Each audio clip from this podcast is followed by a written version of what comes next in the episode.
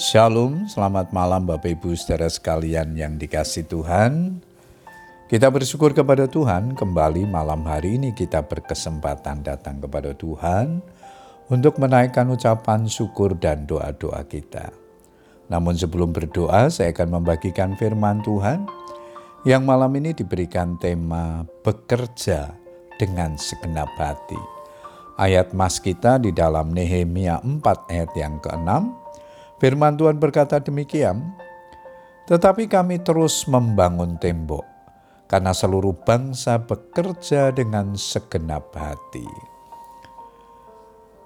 Bapak Ibu saudara sekalian, betapa pentingnya orang bekerja dengan segenap hati.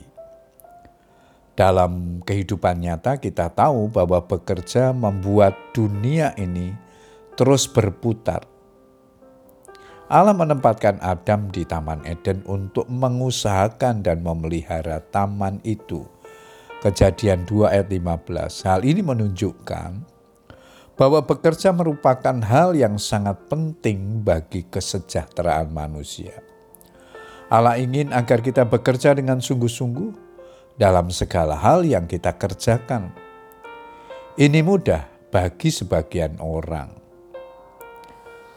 Misalnya dia seorang yang punya profesi tertentu, dia akan bekerja keras, dia akan penuh bersemangat, apalagi dia mendapatkan feedback, mendapatkan gaji yang sesuai dengan kebutuhannya, maka dia akan bekerja dengan sungguh-sungguh sesuai dengan apa yang dia dapatkan.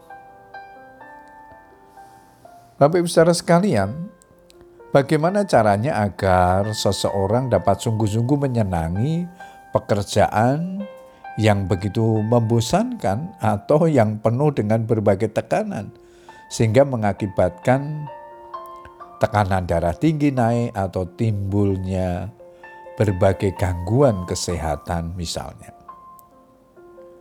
Kepada para pengikut Kristus di Tesalonika, Rasul Paulus menasehatkan agar mereka bekerja sehingga tidak bergantung kepada orang lain. 1 Tesalonika 4 ayat 11 12. Kepada jemaat di Kolose, Paulus juga menuliskan apa pun juga yang kamu perbuat, perbuatlah dengan segenap hatimu seperti untuk Tuhan dan bukan untuk manusia.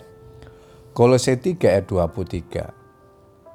Jika kita berpendapat bahwa pekerjaan kita adalah berkat, sehingga dapat memenuhi kebutuhan diri sendiri dan orang lain, dan bahwa ketekunan kita akan memuliakan Tuhan, maka kita pasti dapat bekerja dengan segenap hati. Bapak Ibu saudara sekalian yang dikasih Tuhan, di tengah-tengah tantangan pekerjaan yang kita hadapi hari-hari ini, menjadi pergumulan penting tentunya.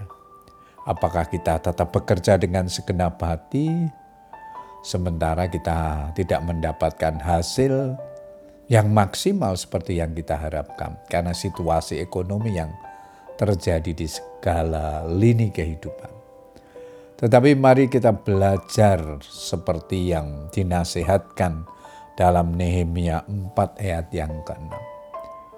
Mari kita bekerja dengan segenap hati karena berkat itu datangnya daripada Tuhan.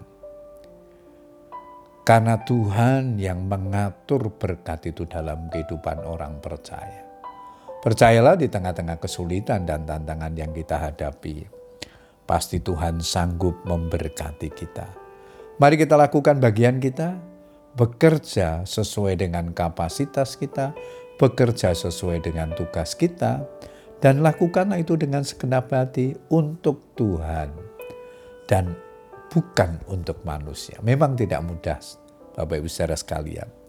Tetapi karena itu perintah Tuhan, mari kita belajar dan percayalah Tuhan sanggup memberkati apa yang kita kerjakan karena Tuhan yang memelihara dan mencukupkan kebutuhan kita.